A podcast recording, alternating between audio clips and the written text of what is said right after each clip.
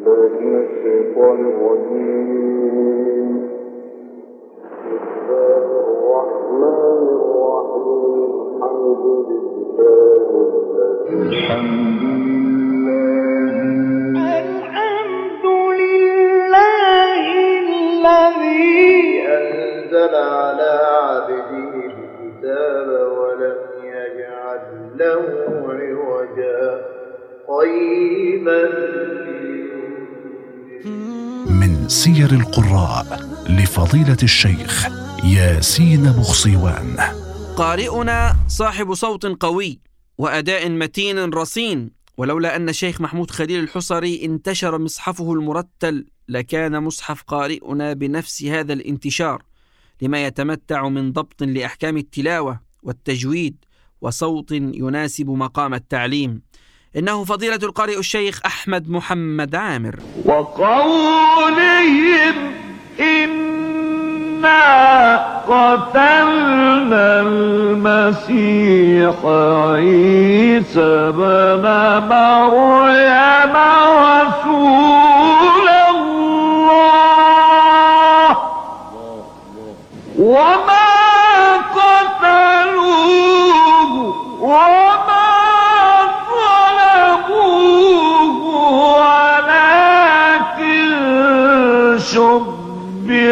لهم وما قتلوه وما صلبوه ولكن شبه لهم.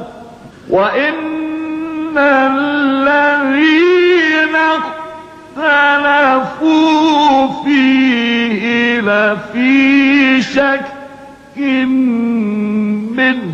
ما لهم به من علم إلا اتباع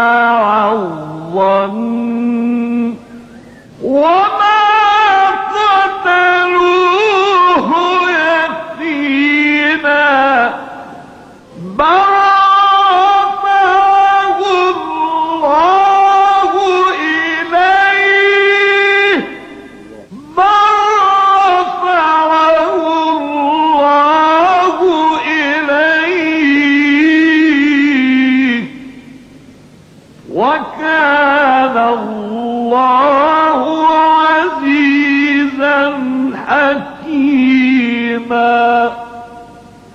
صدق الله العظيم.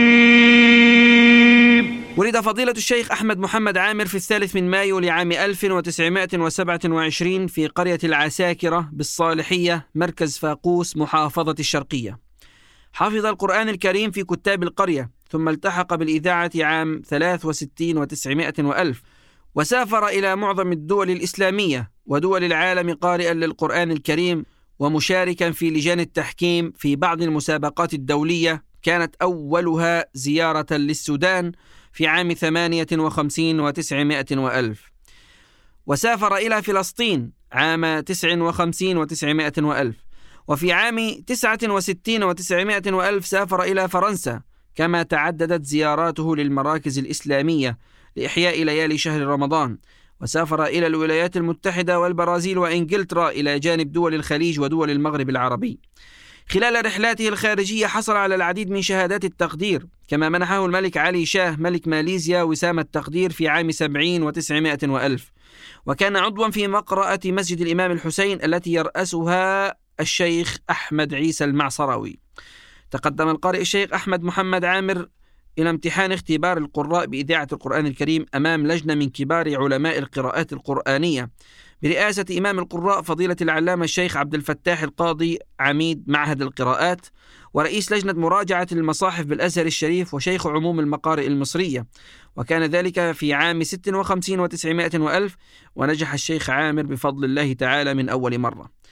ورغم أن فضيلة القارئ الشيخ أحمد محمد عامر التحق فعليا بإذاعة القرآن الكريم بعد نجاحه في اختبارها من أول مرة في عام 59 و900 وألف إلا أنه بسبب مشكلات الحرب والعدوان الثلاثي على مصر لم يصدح صوت فضيلة الشيخ أحمد محمد عامر بالقرآن الكريم عبر الأثير إلا في عام 63 و900 وألف. قام فضيلة القارئ الشيخ أحمد محمد عامر بإقراء القرآن الكريم وتعليمه وتحفيظه لطلبة القرآن الكريم برواية حفص عن عاصم وعدد من القراءات القرآنية. وكان لا يتقاضى أجرا على تعليمه للقرآن الكريم عملا بوصية والده فضيلة الشيخ محمد عامر ألا يأخذ أجرا ماديا على إقراء وتعليم القرآن الكريم. فخير الناس كما قال سيدنا الحبيب صلى الله عليه وسلم خيركم من تعلم القرآن وعلمه. وقد تخرج من مدرسة الشيخ أحمد محمد عامر القرآنية أكثر من ثلاثين قارئا من تلاميذه الذين التحقوا بإذاعة القرآن الكريم وصاروا قراء مشهورين كفضيلة القارئ الشيخ الشحات محمد أنور وغيره من القراء المعروفين.